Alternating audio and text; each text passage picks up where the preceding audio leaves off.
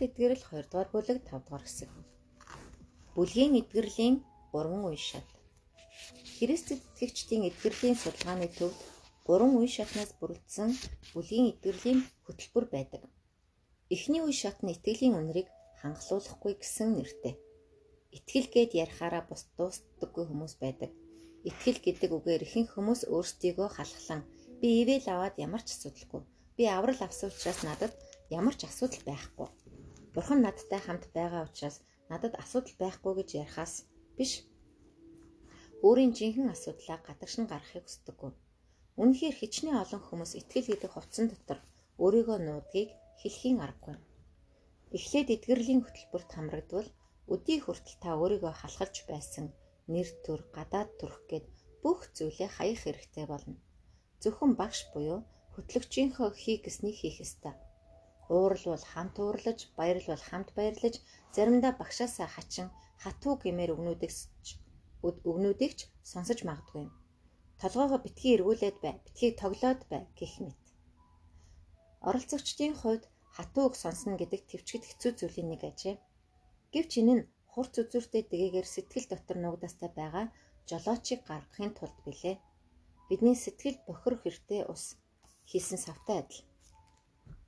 Бохир ус дүүрэн хийсэн савыг удаан хөтлөөнгүй байлгах юм бол хог шар нь доошо суугаад зүгээр л нэг устай сав шиг харагддаг.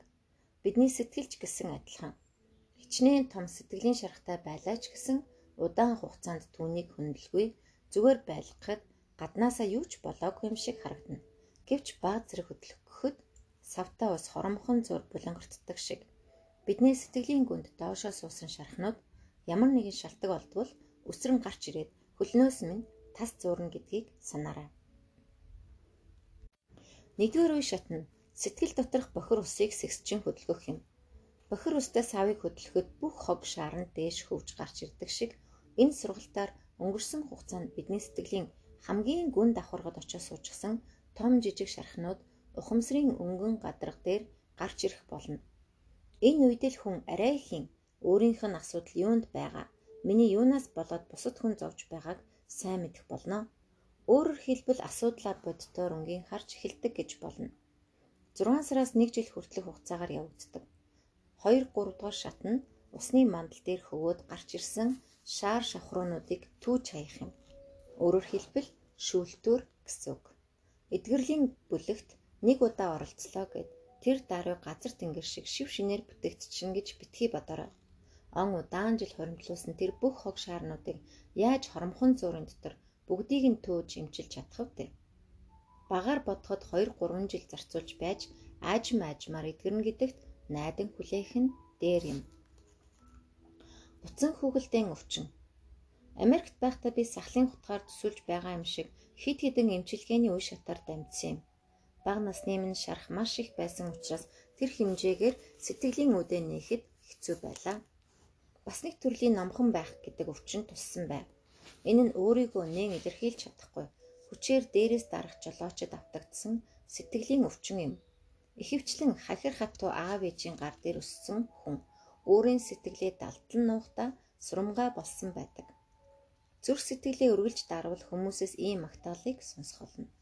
Тэр хүүхэд үнэхээр томоотой. Тэр үнэхээр сайн хүүхэд. Түүнд итгэж болно.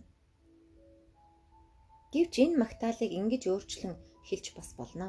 Тэр хүүхэд хизээс хизээгүй сэтгэл мэдрэлийн өвчнөд тусаж магадгүй. Сүүлийн үед та нарын дотор маш томоотой олон таван үггүй номхон гэдэг үгийг сонсож байгаа хүн бий байгаа бол өөрийгөө нэг удаа анхааралтай эргэн харахыг зөвлөж байна. Тим хүний сэтгэл зүй ихэнхдээ хэвийн биш байдаг. Маш удаан хугацаагаар өөрийн сэтгэлийг дарж байснаас болоод зөвхөн бусдын дуртай зүйлийг л хийж хайж хийдэг болно. Өөрөөр хэлбэл утсан хүүхэлдээнээс ялгагдах юмгүй гэсэн үг. Гэтэл олон хүмүүс ийм утсан хүүхэлдэй мэд өөрийнх нь гарын дор хүслээр нь байгах хүүхдэд маш дуртай байдаг. Өөрийнхөө бус бусад харуулахын тулд амьдардаг хүмүүс олноор бий болдог бөгөөд ялангуяа солонгосын ихэнх бэргүүд тэгж амьдарч байгаад өгдөг байсан жишээ олон бий. Одоо би өөрийн номхон өвчнөд нэрвэгдсэн байх үеийнхээ тухай ярив. Номхон өвчнөд нэрвэгдсэн би эрх чөлөөг дээдэлдэг Америк багш нарын нүдэнд хэвийн биш харагдахаас өөр аргагүй юм. Ялангуяа эдгэрлийн асуудлыг хариуцдаг багш нарт бүрч хэцүү байсан биз. Клеренс Балтон багш үүнийг надад нэгэн сайхан уулзалтаар ухааруулж өгсөн юм. Гэвч түүнтэй уулзах анхны уулзалт манд бас сэтгэлийн шархнаас эхэлсэн. Балтон багш эдгэрлийн хичээлийн зөвлөх цаг бүрд миний сэтгэлийн хөдөлгөөнийг ил гаргах гэж маш их хичээсэн бөгөөд удаа дараа цөхөрч орхисон юм. Нэгэн өдөр намайг түүний судалгааны өрөөнд очиход тэр маш хүйтэн өнгөрөн гэж хэлв. Тэги би чамайг цаашид удирдахгүй. Чи онол сурдаг юм уу эсвэл сурхаа бүр болоод солонгос руугаа буцвал яасан юм бэ? Тесрэх бөмбөг шиг дэлбэрсэн. Хичээлээ орхиод солонгос руу буц гэдэг чинь миний хувьд тэнгэр газар нурж байгаа юм шиг санагдаад явчихв. Би өдий хүртэл яаж энэ бүхнийг сурсан бilé? Гэтэл энэ одоо юу болчиход надад ийм үгийг хэлж чадаж байна. Өнгөрсөн 6 жилийн бүх хөдөлмөр талаар болох шиг санагдаад явчихв. За яах вэ? Окей. Уурандаа бараг салган чичирсэн би ингэж хэлчихэд багшийн өрөөнөөс гүйн гарахтаа хаалгыг нь маш чанга савхад бараг мэн дэлбэрч байгаа мэт чимээ гархан сонсогдов. Хаалга тасхийн хагдах дунаар хажуу өрөөний хүмүүс бүгд гайхан шагаасан боловч миний хувьд тийм юмд анхаарал тавих сөхөө байсангүй. Одоо бүх юм дууслаа. Усны хөөс шиг болж орхилоо. Миний амьдрал одоо ингээд л дуусч байгаа нь. Тэр надад их газраас таслагдан эцгүй арал дээр ганцаар хоцорсон мэт сэтгэл төрж байлаа. Бүрэн хаягдсан мэт санагдан толгоо эргэж хөл гойвон арай хин шатны ашлагнаас түшин доод давхар бууж байтал хин нэг миний мөрнөөс маш дотноор татхан тэр. Тэги хөөмөн одоо чамд надтай суралцах боломж жаахан харагдаж байна. Эргэд хартал Баалтан багш намайг зөөлөн хараад зогсож байв. Үнэн дээр тэр 6 сарын өмнө ч гэсэн надад зааж чадахгүй байсан юм. Тэр үед би нэг л улирал харж үзэж тэгвэл би ямар нэгэн зүйлийг баттайгаар харуулъя хэмээн ам тонгорог өгөнд зүгтсэн бэлээ. Тэгээд багш надад нэг улирал харж үзгээ амласан бөгөөд тэр хугацаанд би байдгийн шавхан хичээлдээ шамдсан юм. Бараг л өөрийнхөө өрөөнд хизээ унтснаа санахгүй шахам зөвхөн номын санд л унжиж байв. Тиймээс өнөөдөр өөртөө их л ихтгэлтэйгээр түүн дээр очтол маш хүйтэн өнгөөр цаашид чамд зааж чадахгүй солонгос руугаа буц гисэн бэлээ. Гэтэл миний уур бухимдал гадагшаа дэлбэрч түүнийг үзен ядаж шүдэ арцаалгах мөчөд тэр над дээр хурч ирээд гараа сунгаж байв. Гүн хэр ойлгохын аргагүй хэрэг байлаа. Бүтэн улирлын турш би хичнээн хичээл зүтгэлээ харуулсан билээ.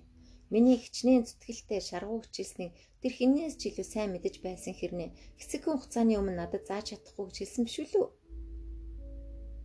Харин би түүнийг цочтол харин хачин үйлдэл хийхэд тэр намайг дахин өөрийн шаваа болгоё гэж байдаг. Гэхдээ юу болоод байгаа юм болоо? Ямар учиртай юм болоо?